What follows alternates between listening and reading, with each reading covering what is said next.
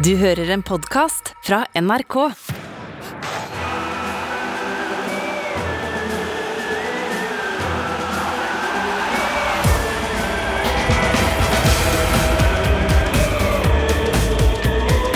Dette er Heia VM. Ja, heia VM, Tete. Heia Heia VM. Nå er det i gang! Da er det i gang. Og det ikke starta med et uh, smell. Det var mål nesten før jeg hadde rekka satt meg ned. altså. Ja, du starter der, ja. Du er som BBC, du, Sven. Du hopper over åpningsseremonien.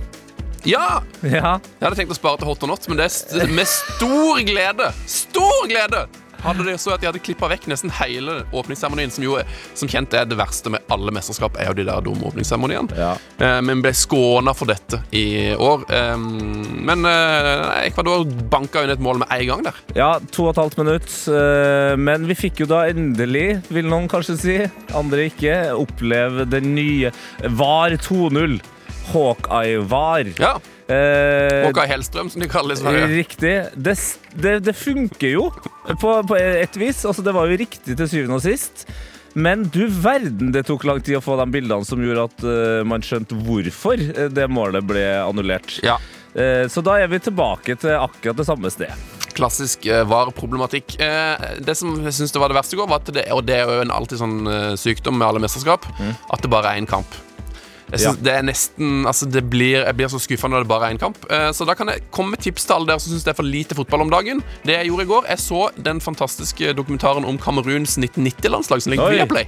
Det Da, da snakker vi. Ja, og det er så mye greier nå på Viaplay, sånn eh, på doku-fronten der. Det er fenomenet Jeremy. Hold, Ja. hold, hold på den. Hold på den. Ja, ja. Nei, men det er fenomenegreiene der. Og så er det jo òg en Totti-dokumentar som er rørende. Dette er Heia VM. Ja, eh, Gjest i dagens utgave av Heia VM. Det er en legende i heia fotballsammenheng. Eh, jobben hans er å dekke Premier League for Viaplay og spre god stemning i Oslos kulturliv. Jonas Berg Johnsen! Der er han! Der er han, vet du. Først og fremst en kulturlivmann, deretter en eh, fotballreporter. Ja, men du må jo være en av de mest aktive eh, deltakerne i Oslos kulturliv. Jeg, jeg følger deg jo mest på Instagram siden vi bor i hver vår by, men det er jo det er, det er en konsert eller et teaterstykke som fortæres eh, i hver eneste helg. Uff, ja, ikke, ja, ikke hver eneste helg heller, vet du, for da sitter jeg ofte på en um, eh, helt OK restaurant og drikker Pepsi Max med Lars Kjernås. Det er sant. Det er Eh, ukedagene som får kjørt seg her i storbyen, vet du. Så når helga kommer, så er jeg klar for arbeidsinnsats, eller eventuelt prøve å ligge stabilt i sideleie og, og ta inn alt som har skjedd i løpet av uka. Men, eh, men ja, vi møttes jo f.eks. på Sentrum Scene, eller det vil si forlengelsen av det, for på legendariske Jason Isbell, en av vår tids aller beste musikanter. Ja, og der møtte jeg selvfølgelig også din bror, min kollega, så det var jo rett og slett eh, en, Det var jo en mandag. En herlig start på uka. Ja, det altså, eh, altså, med all respekt til Jason Isbell, er, altså, han lager, som du sier, han er en fantastisk musikant, men eh, det er jo Det er liksom eh, menn som hører på en annen mann som er utrolig trist. På høsten. På sentrumsscenen. Altså, det ja. I midten av november, som Ja. synger om gammel alkoholisme, utenforskap, at han kommer fra størstatene hvor alle er rasister rundt den, og han prøver å eh, heie fram demokratene og, og demokratiske prinsipper så godt han kan, og en del sånne ting. Så Det er ja, det er for så vidt riktig. Jeg advarte, jeg hadde med meg mutter'n på den konserten, eh, for hun har eh, blitt forelska i Jason Isbell eh, det siste året, og da advarte jeg mot at her blir det mange eh, menn med mm, så der hårfeste og et sted midt i livet, som overhodet ikke har så mye å gruble og være lei seg for, men her skal de stå og være tankefulle. Eh, vi har fått masse lytterspørsmål, Jonas.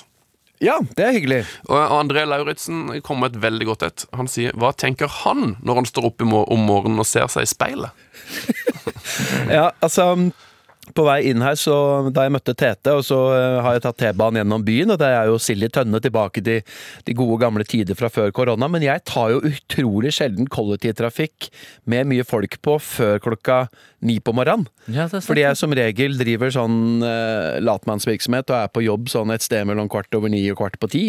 Uh, og da er det mye mindre folk, for det virker som rushtida den fases ut veldig sånn når man klokka begynner å nærme seg 09.00. Og det er for så vidt greit, så når jeg kommer opp hit, så følte jeg på en måte at jeg har vært del av, del av samfunnet. Møter Tete resepsjonen, har uh, blitt uh, klistra meg inn her.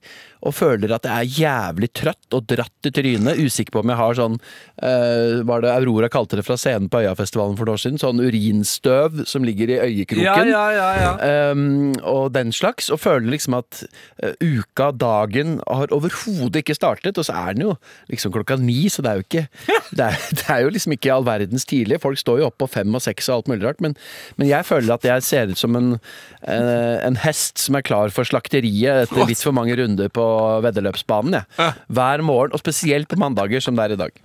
Ja, du er altså, sånn som eh, man sier det i min familie. Du, du ser litt trang ut i trynet. Ja, litt trang. Og, og, det, og det er for seint til å se trang ut.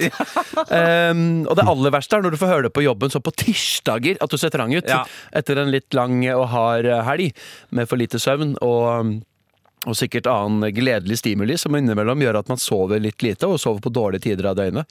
Men så sier jeg til Tete 'Å, dette er tidlig for oss levemenn'. Så sier han 'Ja, nå pleier jo jeg å jobbe i P3 Morgen', så, så klokka ni er liksom ikke noe ja, så, Men Nei, så det er svaret på det. ettermiddagsarbeid for meg. Ja, ikke sant. Ikke sant. Eh, er det fordi at du feirer VM-åpninga til langt på natt at du er sliten, eller eh, skal, du, eller skal du se VM? Det er jo et spørsmål vi må faktisk må stille folk til Det er det første eh, spørsmålet vi må stille. til dette VM. Så du kampen i går, eller? Jeg så kampen i går, absolutt. Eh, delvis i opptak, og delvis fordi jeg skulle hit. For jeg kjente ikke på noe sånn eh, alarmbehov på mobilen for å, for å få det på. Eller kanskje det var det jeg trengte, fordi jeg var litt usikker på når kampen faktisk begynte. Jeg trodde den begynte fire, men så var det fem. Ja. Ja. Da, da, det, da, det er veldig mange jeg snakka med den helga som, eh, som på en måte ikke har tatt et standpunkt om det skal skje eller ikke. Men det hovedproblemet deres er én, de vet ikke når eh, VM begynner, eller kampen begynner. Og eh, de aller fleste spør også hvordan tror du Italia gjør det. Ja. Så, så de, vet, de vet ikke hvem som er med eller ikke. Nei, huff da. Ja.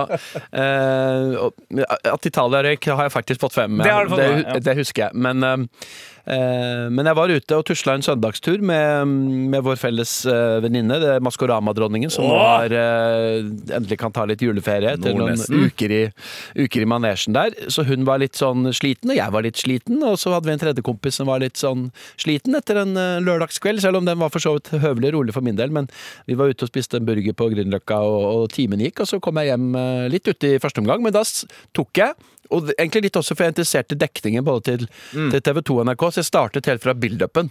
Så jeg fikk med meg slutten av Norge-Finland der, og, og så litt intervjuer og greier, og så kom liksom inn Jeg syns det var en fin, fin opptakt fra TV 2, jeg. Ja. Passe balansert mellom eh, ja, alvor og, og sportslig fokus. Ja, det, det er det som er så rart med dette VM, at jeg tror veldig mange er opptatt av åssen er dekninga.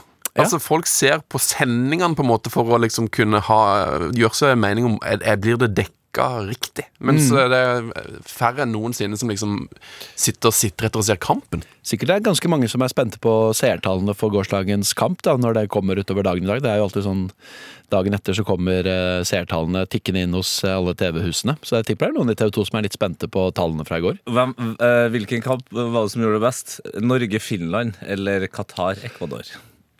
Det spør du deg, tipper jeg at uh, Qatar-Ecuador vinner ganske klart. Ja. Vi skjønner vel kanskje at Finland hjemme klokka to en søndag midten november er liksom ikke Pop-pop-tv? Nei, det er ikke det, altså. Eh, Qatar, Ecuador sparka i gang eh, VM. eh, Forbilledlig formidla på TV 2.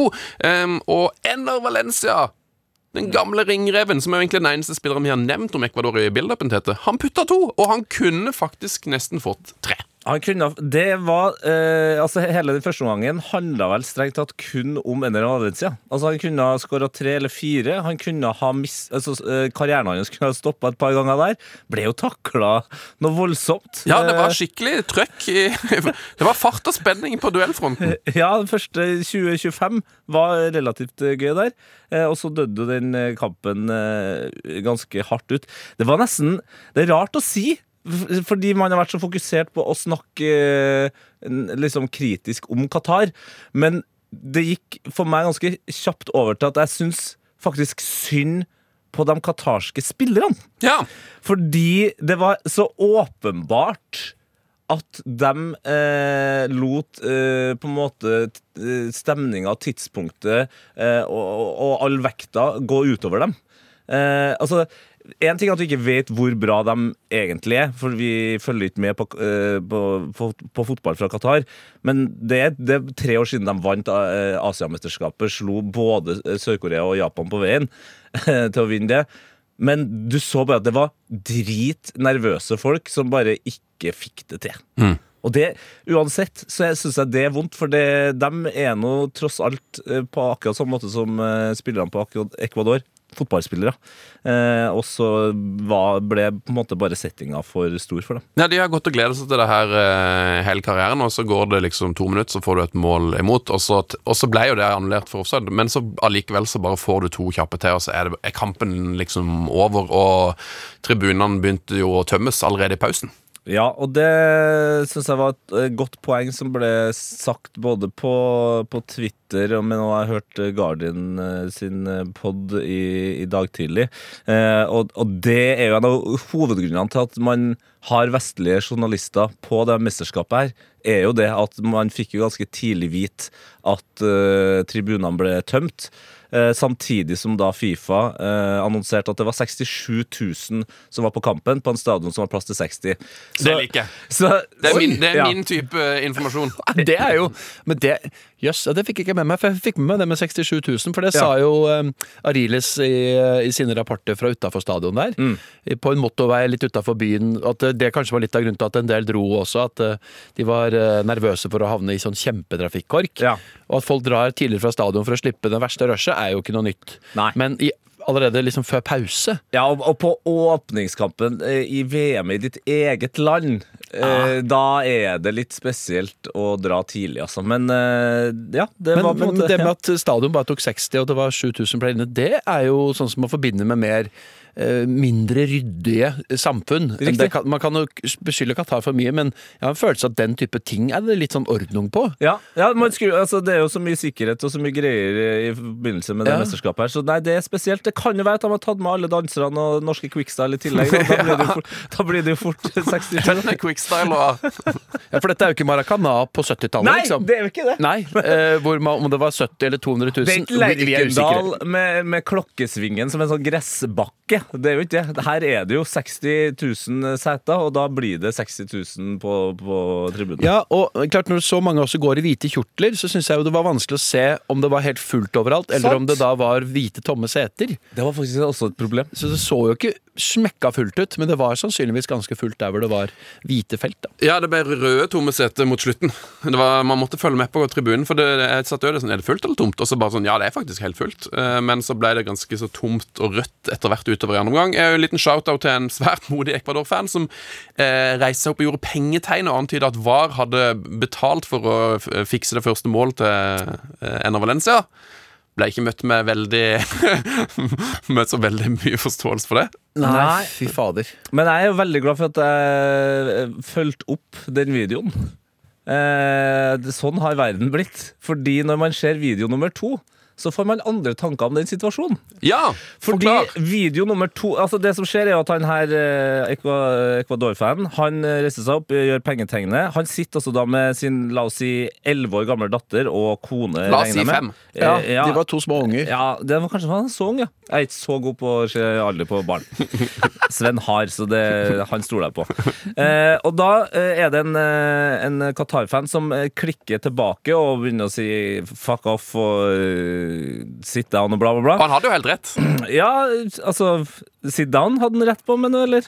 Hæ? Nå, nei, han Ecuador-fanen, ja. Nei, rett. han, han Qatar Altså, når han, han Ecuador-fan som sier det her er betalt Ja. eh, sånn, ja, ja. Det viser seg at VAR hadde helt rett, så jeg skjønner jo at han kan ha blitt litt støtt, han eh, Qatar-fanen. Men det som skjer da er at det er en video til der de to sitter sammen og skal på en måte forklare at i, i fotball så er det sånn at uh, man har masse følelser, og, og at man blir uenig. Men fotball er jo også eh, veldig forsonende, og at uh, vi er alle her på, for, for den samme grunnen. Eh, det er plass til alle. Og så plutselig så er det sånn Fader, les han der Ecuador-fanen fra et prompt, eller hva er det som foregår her nå? He is an Ecuadorian and he is here to watch the match today. Yes, yes, And Vamos Ecuador. yes. It, we got passion makes sometimes people upset, Yes. but we come together for sport. sport brings people together. course. So we're very friendly with each other. I wish Qatar the best. Of course. And We it's wish a beautiful World. Cup so far. You guys are so friendly. I love it. Thank you very much. Right. Så hele situasjonen, etter du har sett begge de videoene, virka rett og slett uh, staged. Jeg, jeg sier ikke at den er det, men den opplevdes veldig, veldig, veldig staged når du ser videoen. nå. Ja, det var, det var, sm- det var svært eh, Det var en besynderlig video nummer to. Besynderlig er et godt ord. Og jeg føler jo at hvis noen av de to var staged, så var det jo eh, så visst den siste. Mm. Fordi, Rart å stage den første. ja, fordi han Når han antyder korrupsjon. ja, Ikke sant? Og, og ja, det oppleves provoserende for, eh, for Qatar-fanen like bak, naturligvis.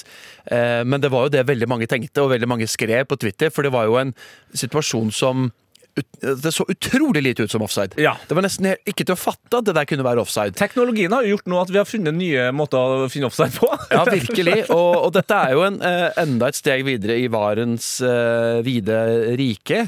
Eh, og det tok jo lang tid før vi fikk se på en måte det som gjorde at du så at beinet hans hadde kryssa eh, i den første duellen. Men selv da så var jo tenkte jeg, men hvor med alle de andre forsvarsspillerne da? Var det virkelig bare én bak ballen? Og det var jo det, faktisk. Og når keeperen da er ute av spill, så er jo det fort offside, da. Så det var jo riktig til syvende og sist. Men bare det bildet på at en hel, eller en halv, eller en, en, en, tredjedels fotballverden tenker å ja, nå er vi i gang, ja. Eh, Etter disse beskyldningene om eh, at det har vært forsøk på um, å korrumpere og bestikke Ecuadors, eh, noen av Ecuadors spillere, som har vært Det er vel, um, det er vel en og annen velrenommert eh, fotballmann på Twitter som har skrevet om dette, men, men det er jo ikke bekreftet på noe sted. Nei, og det er jo på en måte det som er fint med, med fotball. At det er, det, selvfølgelig skjer det korrupsjon der òg, og det vet vi jo absolutt. Og det skjer også kampfiksing. Men det er en idrett som av og til er litt vanskelig å, kampfiks, fordi Ja. det er så mange involvert. Så det kan jo være at det har vært et forsøk, men uh, den kampen der var i hvert fall ikke fiksa fra Qatar sine. Nei, det, og jeg mener, fordi han keeperen, han eh, Saad al-Sheb, han så ut som han kom rett fra en, eh, en mære på Vestlandet. Rett fra Vitsøs rike og ned i, i liksom stå i mål i egen boks. Og det syns Han sprella ut ute i feltet der. Ja, noe der ute. Ja, det var veldig. Og, men ikke sant, det, den nervøsiteten og det presset som helt opplagt tynga dem. Og det, no, noen ganger kan jo den type press eh, gjøre at du blir eh, veldig oppvakt og, og får ekstra energi. Eh, type Nora Mørk i finalen i går, som bare Yes. ok, vi er dårlige, men eh, tar saken i egne hender. Mens her virka det som det tynga dem sånn at de ble energiløse.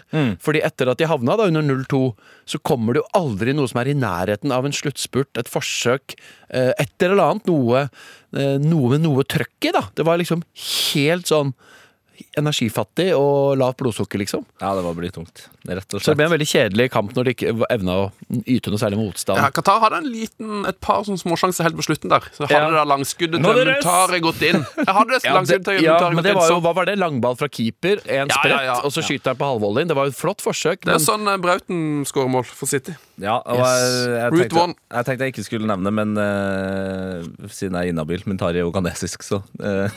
ja, si, er det, er det han Mutari? Har vi, Eh, Nei, det er ikke selveste Muntari. Nei, Nei, Eh, Ikke og- Ali, nei. Nei, det er ikke Sully Ali. Og det er såpass mange Muntari i Ghana at jeg tror ikke de er i slekt heller. nei, det er det er et veldig vanlig eh, navn. Ja. Men han har vært, han, dette er en av de faktisk få da, importene, kan man si det, på dette ja, laget. De, de er nok flere enn man skulle tro, men eh, importert er de. Ja, Ja. fordi jeg syns jo laget så ganske sånn lokalt ut, på både navn og, og utseendemessig, og, og alle spiller jo i Qatar og alt det der, så det var nå greit nok. Eh, men, uh, men det var litt søvndyssende greier i vertsnasjonen dukket og stilte til bords med, ja. Men så skjedde det noe utrolig mot slutten av kampen, og som jeg har uh, brukt mye tid på i dag. Nemlig at eh, Kevin Rodriguez kom innpå og ble den første i VM-historien som spiller med drakt nummer 26. Ja! Fordi i dette VM-et, av altså, at folk er blitt så slitne at de ikke orker å spille fotball, så har man jo nå for første gang lov til å ha 26 mann i troppen. Og Det betyr at i alle VM før så har drakt nummer 23 vært det høyeste mulige.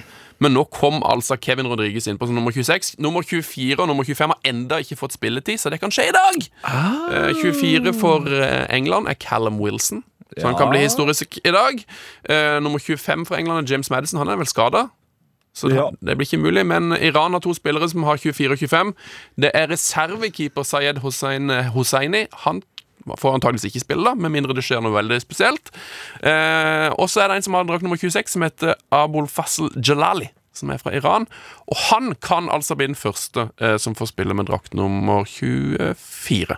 Det er jo ganske episk. da Det kan jo skje at eh, Irans uh, foreløpig førstekeeper eh, kaster på seg strekk. Han har jo Ja, men jeg tror. Iran har med seg fire keepere, og at det kanskje Ja, er han fjerde valget Ja, som har drakt nummer 25, så Ja. det skal mye til. Eh, Fire keepere, ja. Wow. Så da kan det være vi må vente til eh, Nederland-kampen eller noe sånt da, for å få en, en, en med nummer eh, 25 til å spille i VM. Eh, han eh, Jalali på Iran han har eh, ifølge The Guardian nesten ikke gitt intervjuet de siste årene fordi han har hatt et problem med tennene sine. Men det skal være fiksa, så nå har han begynt å gi inn intervjuet. Ja, det, det var han som eh, Ja, han har fiksa tennene, rett og slett. Han Så det har vært han regulering eller et eller annet. En han- tann eller noe. Han kan endelig smile med, med verdighet. Eh, Ok, Jonas, du jobber jo med å, med å analysere fotball og dekke fotball. Qatar, var de dårlige, eller var Ecuador gode? Hva sitter vi igjen med etter den kampen der? Um, jeg syns det er litt vanskelig å bedømme, eh, egentlig, men jeg syns at det var eh, veldig, veldig veldig daft, det som hjemmelaget vertet opp. med. det føltes ut som Ecuador ikke trengte å gjøre så veldig mye for å gjøre akkurat det de trengte for å vinne kampen, ekstremt komfortabelt.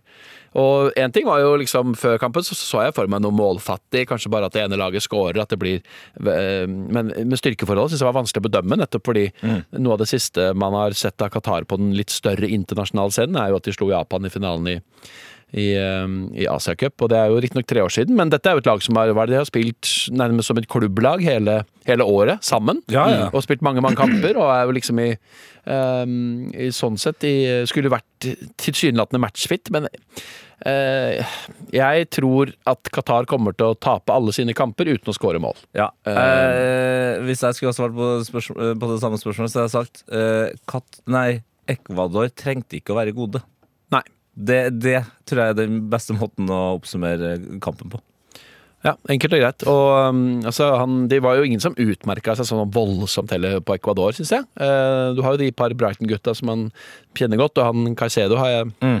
sett noen ganger live i år, og han har imponert meg voldsomt. Har jo på en måte gått inn der og overtatt for Bizuma veldig på Brightons midtbane og vært, eh, vært outstanding. Så, eh, men han eh, pådro seg vel til og med et gult kort. Eh, måtte, måtte ty til det, så det ble, litt fysisk ble det jo, men, men eh, nei, ganske, ganske morken åpningskamp. Men det er jo ikke første gang. Nei, det er jo det jeg tenkte jeg skulle si nå. Fy fader, det er deilig. Nå er den åpningskampen over. Nå kan vi begynne å bevege oss eh, og begynne å se mot eh, de, de ordentlige kampene. For Ja. den åpningskampen den er stort sett alltid ganske drit, altså. Men jeg er helt enig med Sven. At du, når du først har fått den unna vei, og i hvert fall når da, de har startet den tradisjonen med at det er vertsnasjonen og ikke øh, regjerende mester, som husker Tyskland møtte vel Bolivia i 94, også en søvndyssende affære. Så da, og så er det vertsnasjonen som alltid føler et visst press. Eh, Brasil var jo også stressa i 2014. Altså, sånn er det, og det er helt greit.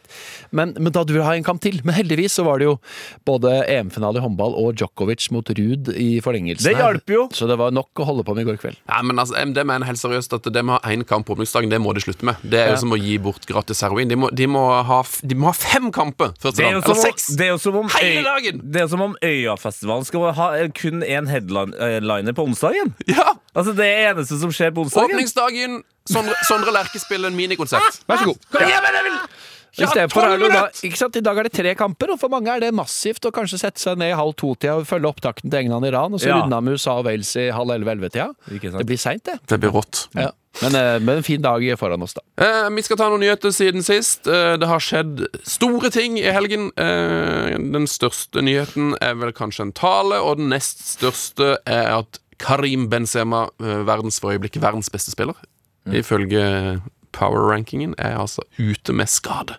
Ja. Den trengte vi ikke. Nei, det, det gjorde vi ikke, altså. Eh, Jeg har jo racka opp og gjort klar en del eh, raffe Benzema-T-skjorter til, til sendingene. Så spørs om jeg må bare vente med dem til Frankrike eventuelt eh, har en sånn eh, Brasil eh, eh, før Tyskland-seremoni. Som jeg tviler på at de har, fordi det verste med at Benzema er ute nå, det at jeg tror Frankrike er bedre for det. Fordi eh, Benzema eh, har jo hangla litt i høst. Eh, og når du har en spiss som er verdens beste Som er kåra til verdens beste spiss, som sier at jeg er en Formel 1-bil, og han andre spissen, Giroud, er en gokart, så så gjør det noe med stemninga av laget. Og Frankrike er et lag hvor stemninga av laget på en måte ofte er det som styrer om de er bra eller ikke. Eh, og når man også vet eh, at franskmenn generelt faktisk ikke unner Giroud å skåre eh, mål, så at han blir den franske eh, toppskåreren, fordi de mener han er for dårlig til å være øverst på den lista, så skjønner du at det er egentlig bare veldig bra at Benzema er ut av det regnestykket, og at eh, Deschamps og resten av gjengen bare får lov til å fortsette med sitt. Jeg tenker i hvert fall dette er bra for Mbappe. Ja, ok, ja, fordi Giroud vil selvfølgelig spille en mer tilrettelegger og lagspillerrolle enn det Benzema kanskje ville gjort i den samme rollen. Ja, De hadde vel sikkert blitt noe sånn alfahann-fight mellom de to, og ingen hadde sentret til hverandre. Men nå er det sånn, nå er, nå er Benzema ute, så slipper de å stresse med det. Ja. Giroud har 49, Thierry Henry har 51. Det er vel gode muligheter. Og Giroud har jo skåra ganske mye mål i mesterskap før òg. Ja, men jeg, tenk, du, jeg, skjønner, jeg må innrømme det. Jeg skjønner franskmennene. Altså, Thierry Henry det, du, du, det, er sånn, det er noen mennesker som du bare unner at skal få lov til å være, holde den toppskårertittelen. Den er, er hans. Det er på en måte den nydeligste spilleren Frankrike har hatt på topp. da Ja. Selvfølgelig kunne det vært Zidane og Platini, og alt sånt, men, men det var liksom Det var hans eh, rekord å holde. Og så kommer Giroud. Ikke noe vondt om Giroud, men så kommer Giroud og tar den.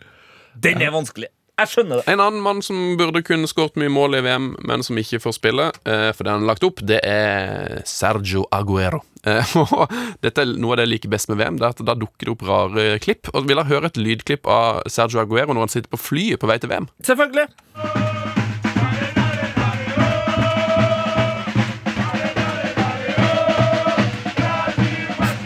Ja, fy. Han har, han har lagt ut en video på Instagram hvor han Altså, dette er altså inne på flyet, og han sitter i sånn der eh, Han ser ut som han sitter på første klasse på Qatar Airways.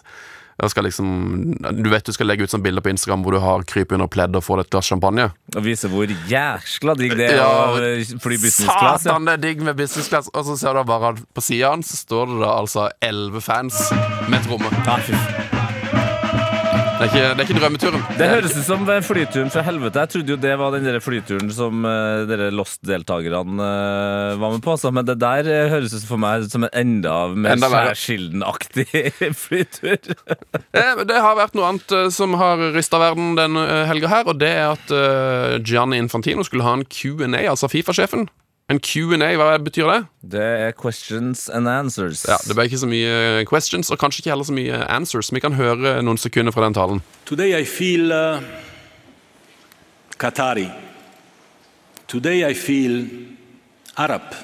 Today I feel uh, gay. Today I feel disabled. Today I feel uh, a migrant worker. Yes. Ja, til, altså Det skal jo sies at han eh, fullfører jo det her med å si at han ikke er noen av delene, eh, men eh, mer respektløs Tar tale uten å være direkte eh, rasistisk, homofobisk, eh, tror jeg kanskje ikke jeg har hørt i mitt liv.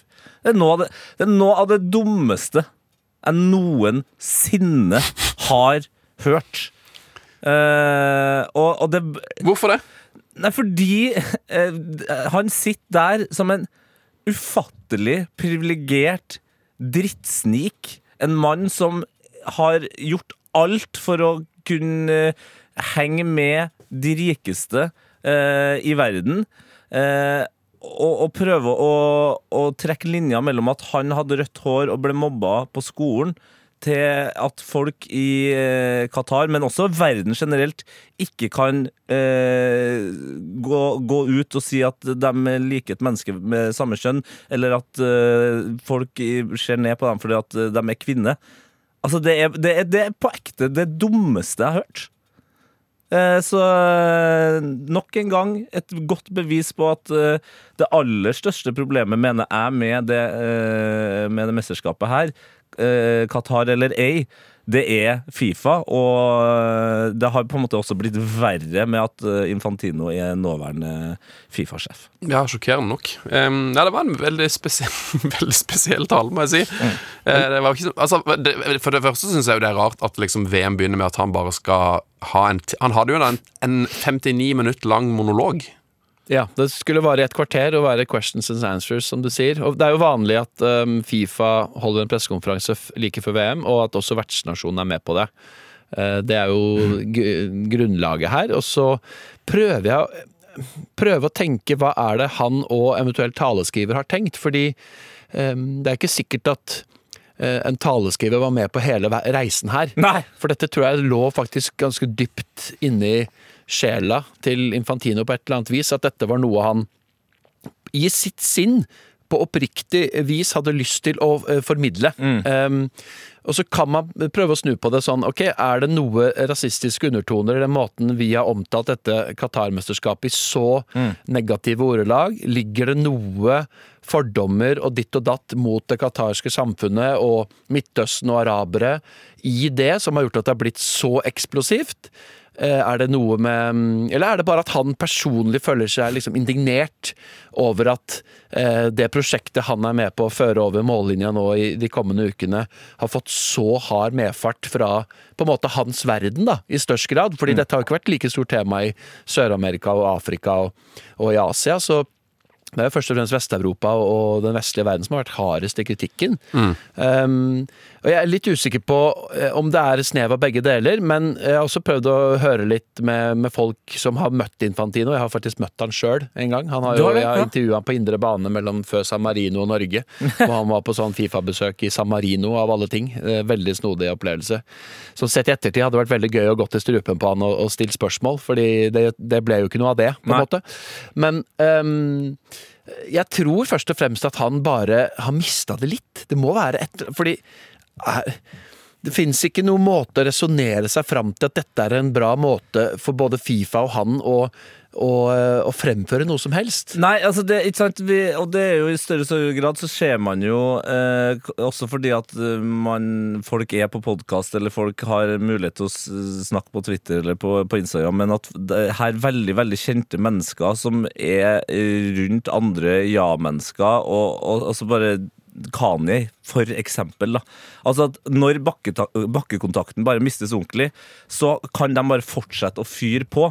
Og det jeg er litt enig med deg. sånn jeg kan skjønne hvor han vil med f.eks. den der med at eh, Europa eh, Hvordan Europa har behandla verden de 3000 årene som har vært. Ikke sant? Eh, vi må på en måte forvente eh, at eh, Europa ikke skal ha den posisjonen de neste 3000 årene. Det sa han også i, i talen. Mm. og, og for så vidt bra med et historisk perspektiv. Men det, det passer ikke inn i det vi holder på med nå. Det passer ikke inn i det som er problematisk med eh, Qatar eh, og, og Fifa. Men det skal sies. Tenk på de fordommene man sitter med sjøl, for all del. Men hans eh, måte å, å, å komme ut med det på er bare utrolig eh, urytmisk, rett og slett, mener jeg da. Ja, altså det som du sier der, da, eh, det, og det er jo ikke noe eh, godt argument for at vi liksom eh, La oss det, det som jeg tror han prøver å si, er å liksom eh, se bort ifra det som skjer i Qatar, for dette er like ille andre steder. Eh, det er jo ikke et argument for å eh, se bort ifra det som skjer i Qatar, men det er jo et veldig godt argument for at ok, vi må kanskje rydde opp i alle land i verden, for det, at det her er et problem som skjer mange andre steder. Men det er jo ikke liksom et argument for å liksom gi eh, et eh, hva skal du si eh, grønt kort til Qatar, fordi at eh, det har vært ille andre steder før. Det er jo Nei, virkelig ikke. Og det, er det jo en slags verdensrekord i 59 minutter med whataboutism og stråmannvirksomhet. Fordi disse poengene er helt i orden, men han har altså denne rødhårede, fregnete gutten som opplevde så utenforskap da hans familie flyttet fra Italia til Sveits, som jo ikke akkurat er altså et Sveits som har masse italienske aner og røtter og språk. Eh, greit nok, han hadde sikkert en tøff oppvekst, han. Kanskje det kan være med å forklare hvordan ting har blitt. Men i likhet med hvordan man f.eks. opplever Sepp Blatter, når man har sittet nok i maktens posisjon og omgitt seg nettopp med eh, et gilde av ja-mennesker, korrupsjon, penger og, eh, og luksus, så kan det hende at det rett og slett tipper over. Ehm, og noen sier jo at Infantino har, eh, om han ikke har hatt liksom sånn eh, et snev av ADHD eller et snev av em, mangel på impulskontroll, eller at store yver hele veien, har vært veldig sånn visjonær og inn, full av innfall, em, at det kan ha vært med at det til slutt bikker over. Men vi snakker altså om en fyr her da, som går i strupen på verdenshistorien og, vår del av verdens eh, bestialske opp, og rasistiske opptreden gjennom tusenvis av år. Ja, men da har han valgt å knytte seg tettest til Saudi-Arabia, Vladimir Putin og flytte til Qatar. Land som flommer over av De samme eh, ideene! Yes! Undertrykkelse og eh, skeivbehandling av så mange minoritetsgrupper. Som du fortalte om med den podkasten med, med Halvor Ekeland her, eh, Tete, at når du har vært på flyplassen i Dubai, så har du blitt stoppa gjentatte ganger. Utelukkende av altså, Og det er jo sånn som selvfølgelig også kan skje i, i Norge og i Vesten, og sånne ting, men du, du sa jo at du aldri har opplevd det verre enn der. Nei. Og det er jo hva, bare, det, er, det er så vanskelig å forstå tankerekken, og så har han jo null kredibilitet ikke sant, fra før. Og, eh, og det blir bare bisart og utrolig Utrolig bare trist. da, Et bilde på liksom ja, Tilbake egentlig til de videoene fra, med han Ecuador-fan som tør å ytre seg litt kritisk med å, å eh, antyde at det finnes korrupsjon og at noen har blitt bestukket her. Reaksjonsmønsteret til han fyren bak der, det minner også litt om rapportene jeg fikk og beskrivelsen som kom fra, fra de som var og dekket friidretts-VM i Doha i 2019. Hvor alle de som var der, flere av de jeg har snakket med, i hvert fall, sa at det var en følelse av å bli behandla som dritt av noen folk som så på seg selv som overmennesker. Og det var de mannlige qatarerne som satt der på penger fra staten i, i årslønn, og som var vant til å gjøre akkurat som de ville og være konger i egen verden. Og behandle andre som dritt og underrangs mennesker. Og sånn sitter han litt bak der, syns jeg er ekkel og jævlig mot han ekvadorske fanen. Eh, og så kan det selvfølgelig være provoserende å føle at eh, en hel nasjon har blitt nå skikkelig satt under lupen. og at deres kultur eh, er noe vi ikke vil vedkjenne oss, men fader heller, skal vi bare akseptere en sånn kultur? Jeg syns ikke man skal akseptere alle typer kulturer. Hvis den kulturen utelukkende handler om eh, å eh, rett og slett dele mennesker inn i over- og underklasser og Kun fremmed og for ja, få, liksom. og Se liksom. på videoene som er både fra fanzone og delvis fra stadion. Hvor mange lokale kvinner er det å se?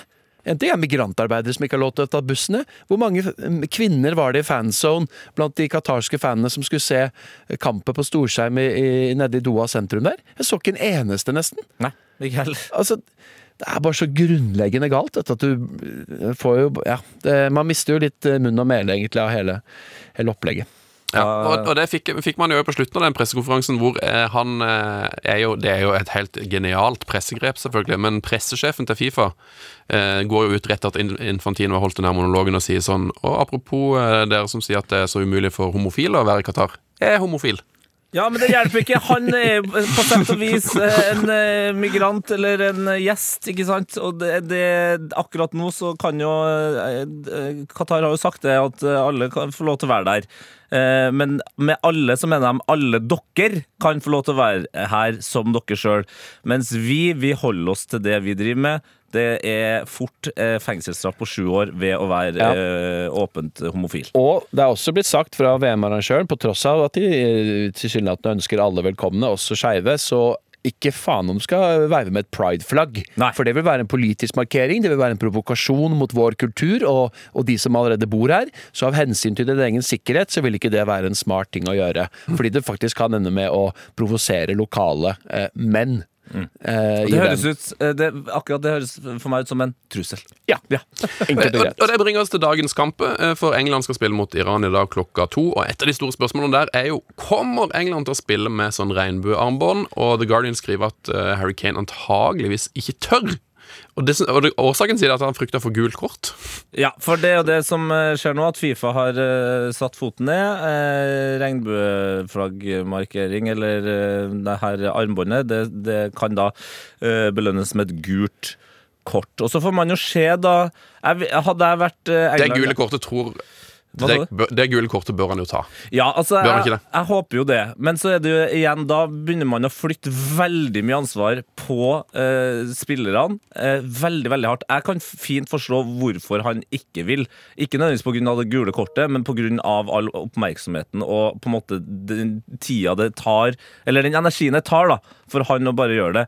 Og så vil det også være veldig interessant å se dommer oppi det her som da eh, må gi det gule kortet. Det kan jo også framprovosere en helt ekstrem situasjon som gjør at alle vil se at det her er problematisk for begge parter.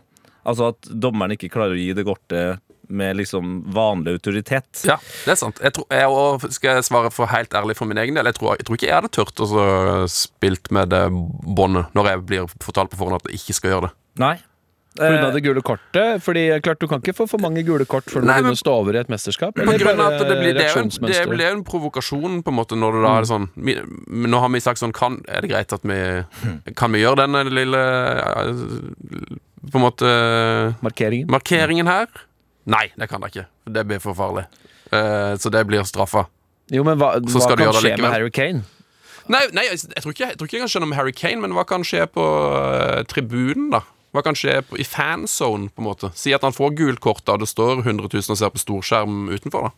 Ja. Eh, Det det folk gyver løs på hverandre, så sannsynligvis er det vel ikke så veldig mange som, på tross av Fifas pressesjefs eh, oppfordring om at dette er trygt og godt, så er det vel ikke så mange som kommer til å løpe rundt der i den klassiske litt sånn eh, enten feminine tildragelsen og, og full eh, pride og Nei, nei, nei, men på Eh, vegne av andre altså, Tenk hvis det, han Ecuador-fyren begynner med pengetegn, ikke sant? Det, det, kan, det kan liksom eskalere, da. ja. Ja. Nei, altså, jeg, vi snakka om det her, øh, øh, om, om det her på, på jobb i går, og det var litt sånn Det er jo såpass mange bytter nå at jeg vet ikke helt hvordan det er om man må ha en fast kaptein. Man har visekaptein og sånn, bare, om man bare hadde flytta da. Eh, Flytta det båndet rundt de tre første kampene, og så slettes jo vel eh, de gule kortene til, til utslagsrunden. Eh, Det hadde jo vært helt fantastisk om England og Harry Kane gjør det, men selv om jeg syns det hadde vært nydelig, så forstår jeg veldig fint om de lar være. Uff. Samtidig er det jo kjipt å bli trua til taushet på noe så latterlig. Ja. Og det er helt uforklarlig at det skal Akkurat der, fordi det er jo det som er poenget her, at det er så mye politikk. Og Fifa med Blatter i spissen, og sikkert Infantino òg i, i framtida, har jo liksom ambisjoner om fredsprisen og sånn. Ja. Surra rundt. Altså, den Netflix-dokumentaren er, er jo helt strålende, men også eh, skjellsettende seing. Og eh, det er så mye politikk i absolutt alt, samtidig som de eh, føler seg eh, frie til å bestemme akkurat når det ikke er greit med politikk. Og da handler det egentlig bare om eh, markeringer som går i retning av at alle er like, verdt, like mye verdt, og, og grunnleggende menneskerettigheter. Det skal man slå ned på.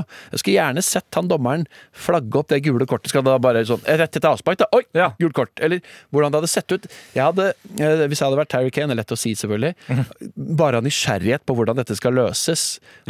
Forsø- det, er jo ikke som å, det er jo ikke som å tegne Mohammed, liksom. Det jo, jeg, jeg ser ikke for meg den type opptøyer. At det blir brenning av flagg og slåsskamper og opptøyer utenfor britiske ambassaden. Jeg, jeg gjør ikke det, altså. Men, men øh, det kan hende at bekymringen din er at jeg tar for lett på det, Sven. At du har helt rett. At det kan faktisk bli skikkelig problemer av det. Ja, det, det vi kan håpe på, er jo at han gjør det, og at det går helt fint. For det kan jo skje. Kanskje det blir bare mottatt med applaus, og Ja, at det blir en supergreie, liksom. Det vet man jo ikke før det skjer. La oss håpe at det går bra. Eh, England-Iran. Eh, det er vel ganske viktig kamp for England eh, å komme godt i gang her, men eh, med tanke på hvordan eh, Iran spiller, så ser jeg for meg at det her er en eh, målfattig og litt eh, Ikke noe kjedelig kamp, men eh, ja, det, masse action vil overraske meg. Absolutt. Daily Mail har òg skrevet i dag at England kan vinne VM. Nei, nei. so stupid!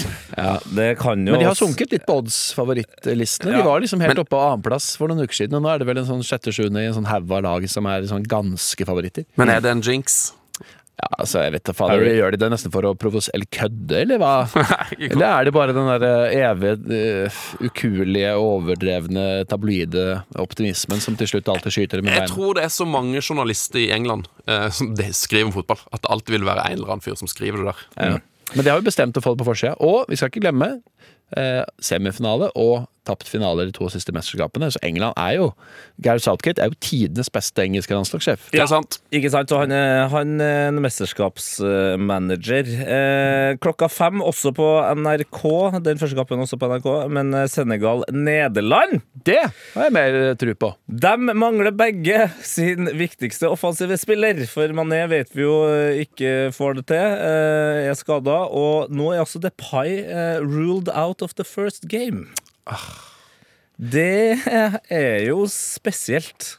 Det stjernelaget som ble lagt ut på Instagram her, var det ikke NRK som gjorde det? NRK Sport på, med hvem som ikke er med. Riktig. En blanding av da ikke kvalifisert seg og, um, og skada. Den, det begynner å bli et solid tropp. Ja, stort sett er det jo franskmenn, og de eh, har jo heldigvis eh, tre og en halv VM-nivå-tropp klar. Men eh, ja, det begynner å bli ganske mange, eh, og selv om eh, godeste Gapko, eh, som han så fint heter på Nederland, har vært god i det siste, så er det jo en kjempesmell for Nederland eh, å starte mesterskapet uten eh, Depay. Og selv om Senegal og da mangler Mané, så er det jo bakover dem er veldig, veldig gode, da. Og da kan det fort ende opp med at eh, Nederland eh, ikke tar eh, viktige poeng mot Ja. Senegal. Nei, Ja, for det- bare- ja. Det her er jo en gruppefinale i gruppe A, vil jeg jo si. Det er jo de to sterkeste lagene, så det er superviktig å vinne denne. Men Ecuador har jo da tatt en veldig komfortabel og grei seier, og de andre to skal jo spille mot Qatar. Du vet jo ikke hvordan altså, Så man kan jo ikke ta noe for gitt her. Og det å Mm. vinne gruppa vil selvfølgelig også være uhyre viktig, så ja. Det, Det verste er vel å tape denne. det er akkurat det som er problemet. kanskje det som eh, blir en uh, målfattig affære. Og så er det klokka åtte på TV2. United States of America USA! mot Wallis. Yes. Wales de har med alle de spillerne som alltid er med, de. Ja, hva mener du? Ben Davis, Aaron Ramsey og, Og Gareth Bale, Bale? ja. Kiefer Moore, og ikke, la oss ikke glemme Kiefer Moore, da. Nei, dette her Wales-laget er jo faktisk et av de mest utrolige lagene i fotballhistorien. Altså, det er jo 15 år siden så var det sånn Ryan Giggs eh, spilte på Wales og var sånn Stakkars Giggs. Han kommer aldri til å komme til mesterskap. Wales, Wales kommer aldri til å komme til mesterskap. De er for små, de er for dårlige. Wayne Hennessy har spilt flere eh, mesterskap enn Giggs. Ikke sant? Tenk på det. Chris Gunther. Gunther. Chris Metham. Nei, det blir en rå Joe Roden. Blir en råd. Joe Allen. Fytte. Harry Wilson. Kiefer Moore! Yes! Vi må gå til hot or not. Vi har prata så sjukt lenge. Her. Min selvtillit Den handler om at jeg står opp om morgenen, og så ser jeg meg sjøl i speilet. Så er jeg sånn Fy faen. Der er Tete Lidbom konge. Min selvtillit Den handler om at jeg står opp om morgenen, og så ser jeg meg sjøl i speilet. Så er jeg sånn Fy faen. Der er Tete Lidbom konge. Ja. ja. ja. Jo da. Ja da. Eh, bra greier. hot or not. Eh, jeg nevnte, altså, du nevnte jo min hot i åpninga, Tete. Det er at vi slapp å få å se åpningsseremonien. For det syns jeg er så forferdelig. Elendig. Så det, det er min hot. N- Mindre åpningsseremoni i monitor. Eh, men jeg kan ta en til. For jeg syns vi har fått et fantastisk lytterspørsmål. Vi har jo postekoppen vi skal dele ut i året. Ja. Vi har fått et lytterspørsmål fra Ben Sars. Yes. Vår gode venn Benjamin Sars. Lytterspør lytterspørsmålslegenden. Eh, og han sier hvilket land tror dere det er størst andel spillere som hadde likt Tore Lasagne over hjemmelagd lasagne? Det er jo et veldig godt spørsmål. Ja, Det er et fantastisk eh, spørsmål. Og eh, jeg, jeg, jeg vet eh, svaret her, men Jonas og Sven, dere kan jo få lov til å Hvilket land i VM tror dere det er størst andel spillere som hadde likt Tore Lasagne over hjemmelagd lasagne? Jeg tipper at det må være et land med relativt eh, skrinn erfaring med i hvert fall italiensk matkultur. Kanskje glad i det litt mer som flate og, og enkle. Ja. Um, hva slags lasagne er det man får servert f.eks. på de, Når man kommer seg ut av Londons glamorøse eh, West End-restauranter, da er det ganske flate, enkle, plastikkaktige lasagner. Så jeg tenker at i Wales sin spillertropp, da, apropos det, så vil det fort være sånn. Men jeg kan også tenke meg at uh, i, uh, i en del sånn når jeg har vært i, uh, i f.eks. Asia, og du får servert vestlig mat, så er det ofte ikke det beste utgaven. Det er liksom flat og, og eh, smakløs, lite krydderbasert utgave av den vestlige maten. Ja, det, er ja, det er nærmest som de lager den eh, med, med, med fordommene. Altså, vi har krydder, det har ikke dere. Ikke sant? Og smak på den dritten På her. et kjøpesenter i Singapore, Ja. der får du traurig lasagne. ja, ja, ja. Og hvilket land er det som ligger nærmest Singapore, som er med i VM? Det blir jo fort uh, Japan Nei, det, er jo Sør-Korea, mer sånn? Ja, det er jo liksom Malaysia på tuppen der, Indonesia, ikke med Thailand, Kambodsja, Vietnam. Det er langt, vet du, til nærmeste Ja, det er dritlangt. Det er jo så svært. Det er fort Det er nesten så det korte vei til Australia. Det er fort Australia vet du, som er nærmest. Alternativt så er det jo ikke så Iran? Det er, det er et stykke til Midtøsten, men ja. Så et sted mellom Australia, Wales og Qatar, Sverige. Okay. Jeg har to teorier. Det ene er også eh, Costa Rica. Der har jo nesten alle spillerne faktisk spilt i Norge. På et eller annet tidspunkt eh, Så de vil nok eh, er anerkjenne Tore Lassang.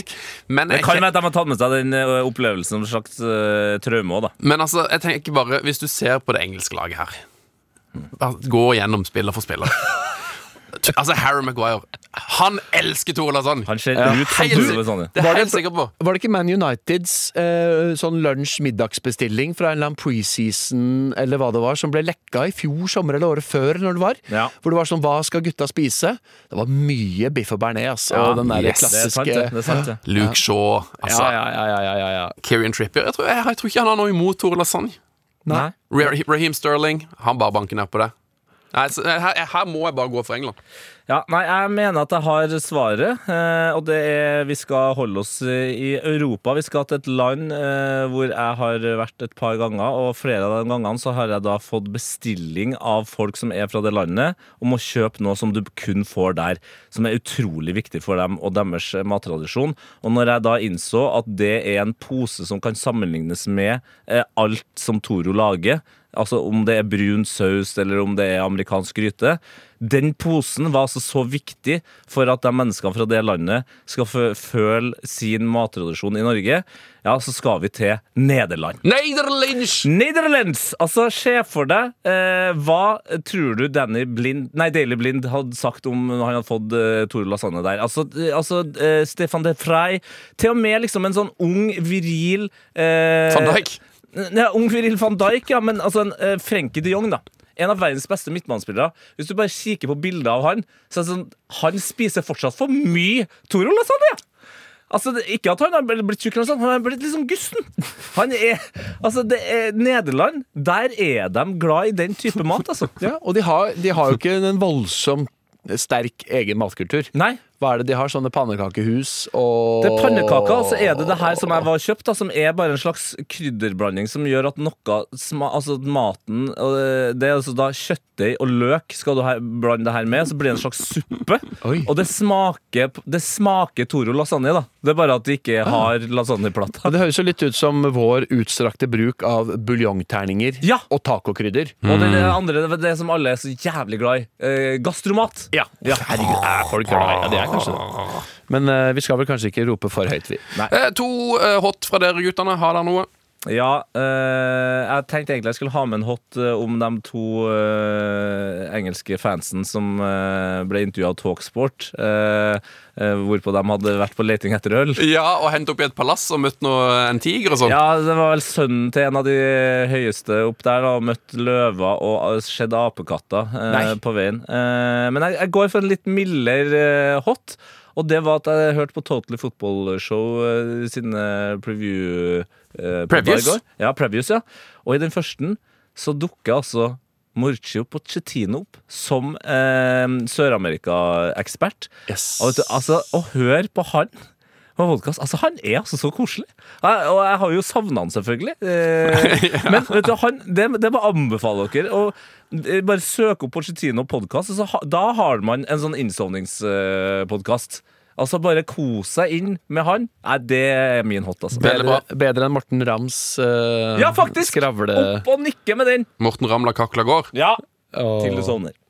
Um, jeg så det var en som apropos skrev det når du nevner Pochettino på den måten at, uh, at jeg måtte nevne at London is red. Ja. North London is red. Det er Neida, det ingen men, tvil om. um, men uh, min hot, den er egentlig på en ny sånn utenomsportslig eh, affære som vi har så vidt diskutert i vår SMS-tråd i inntakten her. Mm. Emne Valencias barnefordelings... Ja! For den har jo dukket opp igjen da i denne sammenheng, og der er det jo eh, uvisst hva som egentlig er sant, men det som er i hvert fall helt tydelig, basert på videoene som finnes fra den eh, kvalikkampen hvor Emne Valencia er hjemme og spiller eh, for eh, sitt kjære Ecuador, så på slutten av kampen, så enten er det høydesyke, eller så blir han dårlig av noe annet, eller så bare faker han.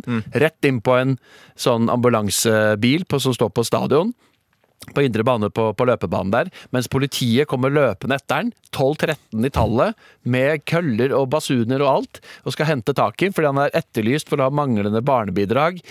Eh, 13 000 pund var det snakk om. Noe, for dette var jo tidspunkt hvor han bodde i, England og spilte for Everton. Eh, Noe han følte var helt uberettiga, fordi eh, han mener at ekskona ikke tok vare på barnet, og at eh, det var mer galskap inne i bildet og ditt og datt, og de hadde en skikkelig skittentøysvask i, i, offent, i offentligheten her. Og det ender jo med at han på et eller annet tidspunkt etter en kasinoaffære i Miami får hente tilbake denne sju år gamle dattera si. En relativt egentlig trist historie, men også et bilde på mangfoldet av galskap da, som foregår i fotballens rike. Da, for dette har jo Så man, blitt ja, så man får et eh, innblikk i, og også får oppdatert eller friska opp igjen når Det her er det vi liker med VM! Ja. Eh, Beklageligvis disse for Ene historiene. Valencia sin familie, Ja. men det er så mye greier! Yes, Ja. så den uh, historien har jo nå dukket opp igjen, og det er uh, Sånn er det når du plutselig da dukker opp og skårer to uh, mål i, i VMs åpningskamp. Da, da kommer historiene piplende fram. Interessant nok med 13 på ryggen. Kanskje 13 politimenn. 13 000. Ja, Ja, det, ja, ja, ja, han, har, han, han har tenkt I'm owning it. Yep. Min not. Mm. Litt overraskende uh, infrastrukturen i Qatar. Uh, fordi altså, man, man hadde jo tenkt at iallfall det kommer de til å naile. Altså, de, det, det er slavelignende ti- tilstander for alle som skal bygge dette VM-et. Så tenkte jeg sånn, Men iallfall å få bygd veiene og bygd hotellene og bygd stadionene, det, det kommer iallfall til liksom, Det kommer i hvert fall til å være på stell i dette helt tomme landet. Men nå er det altså sånn at uh, man så at uh, folk dro i pausen i går fordi de var så redd for at det skulle bli trafikkork, fordi det er bare én vei ut til stadion.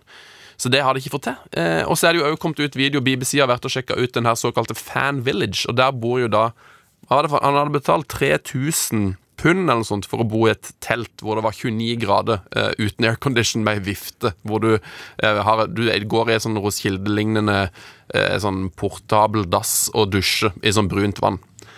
Så Den fanvillagen som de har bygd, så jo, den så jo veldig dårlig ut. Og er der tenker jeg sånn, det der kan ikke være helt bra. At folk skal drive på og bo i noen telt i 30 plussgrader. Nei, men I det, en måned. Ikke sant? det er litt sånn Fire Festival-vibber. Møter uh, Roskilde. Jeg Det jo- er veldig mange som har sammenligna det med Fire Festival. At det er bare sånn, her har vi, Nå har vi solgt billetter på forhånd. Uh, Du betaler 20 000 kroner for hotell, og så får du et telt som skal stå Ja. der i fire, fire uker før det skal kastes. Noe av problemet virka som at tykkelsen på teltdukene var altfor kraftig, sånn at det var på en måte justert for eh, å kunne brukes i litt kaldere omgivelser. At det også gjør at lufta blir helt ekstremt tung og tett da, i, i varmen der. eh. Men i utgangspunktet så liksom kunne da eh, bo i et sånt telt, hvis det fantes en form for eh, avkjøling, og rett ned på stranda der, og bo tett på folk, og liksom se for seg kanskje Ja alkohol og litt gøy oppi det hele, god. så kunne det jo nesten vært litt sånn gøy festivalvib, men, men det der ble jo helt eh,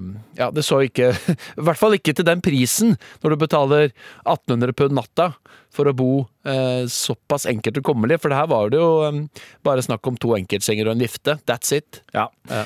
Nei, det er for dårlig. Min uh, not, det er Morgan Freeman, da. Som uh, valgte å bruke eh, verdens beste fortellerstemme nok en gang i, i Qatars virke. Han har jo lydlagt uh, Qatar Airways sine reklamer før, og kommer også ut på eh, den store scenen og sette i gang med det samme våset som eh, vi har hørt eh, før. Eh, og det som gjør det mest not, var at sist gang jeg hørte Morgan Freeman i en setting jeg på en måte ikke så for meg i, det er jo på 21 Savage sin Savage Mode 2, eh, der han har åpninga.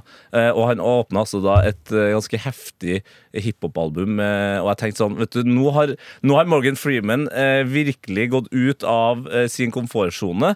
Eh, og jeg vil jo også bare, jeg kan jo bare sette på litt eh, av musikken her, så vi bare skjønner hvor kontrast det er fra Alle kjenner jo Morgan Freeman sin stemme, eh, til at 21 Savage går i det her nivået.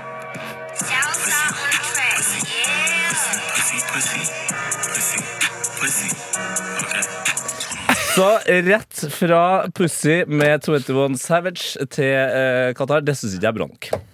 Nei. Det er min not. Hele verdens bestefar har solgt seg ut. Og han var jo en av frontfigurene for USAs søknad om fotball-VM i 2022, for dette er jo en faktisk oppriktig fotballinteressert fyr. Men øhm, han var jo Det er også min not, faktisk. Hele det En ting er han som det bildet på den ultimate skuffelsen.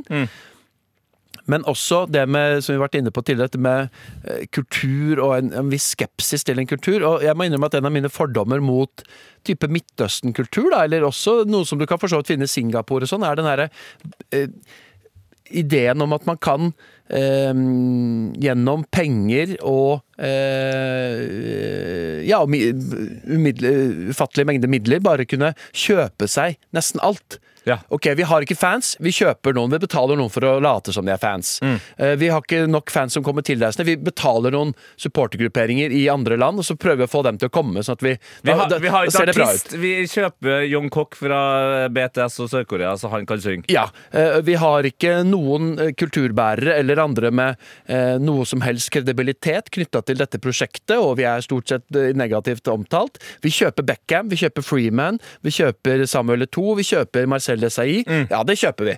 Og så, så, ser det, så blir det bra, liksom. Den ideen om at det er sånn man skaper noe, den byr meg så kraftig imot. Og du kan se litt sånn der, liksom, hyllesten av noe kommersi kommersialiseringen av alt. da. Alt handler bare om å spytte penger på det. og den der kunstige øya utenfor Singapore, eh, som også minner meg om noe av det samme. Der. Ok, Her skviser vi inn bare masse sånn Universal Studios, fornøyelse, ice cream parlors. eh, liksom sånn, Alt skal være fryd og gammen, ro og mak, luksus. sånn Helt falsk, liksom. liksom Las Vegas, da. Ja. Little Venice. altså, Alt sånt byr meg så jævlig imot. Og det er eh, den åpningsseremonien og alle de eh, sjarlatanene som har latt seg knytte til hele Qatar-VM-prosjektet. Det er et bilde på det for meg. Very not. It's a very not. Ah, ble jeg trist igjen. Nei da, men eh, ikke tenk på det, Sven. Eh, det er tre kamper i dag. Er det noe jeg vet, så er det at du setter pris på dager som er fylt med flere enn én fotballkamp. Så allerede klokka to så skal du sitte og se eh, England-Iran. rand. Åh, yes, det, Det her, det her kommer til å gå jeg kjempefint. nå er jeg lykkelig igjen. Ja, det er bra. Nei, men da er vi, da er vi vel ved veis ende, da. Ja, fanken, altså. Og så not til Heia Fotball, da, som, har, som skal prøve å holde seg på 30 minutts episode. Mm. Ble en time, da. Nei! Det er ikke bra, Tete. Nei. Det, Vi må gå i oss sjøl. Men det er så forbaska trivelig Jonas, å prate fotball, så da blir det bare sånn. Vi skal klare det Vi skal klare det i morgen. Og vi skal tror klare du det. Ja, jo, jo. Den okay. kommer i morgen. Emil Gukild. Lykke til. Du hører det. Du hører at ikke det blir kort. Nei, men da er det bare én ting igjen å si. Fuck off. Fuck off!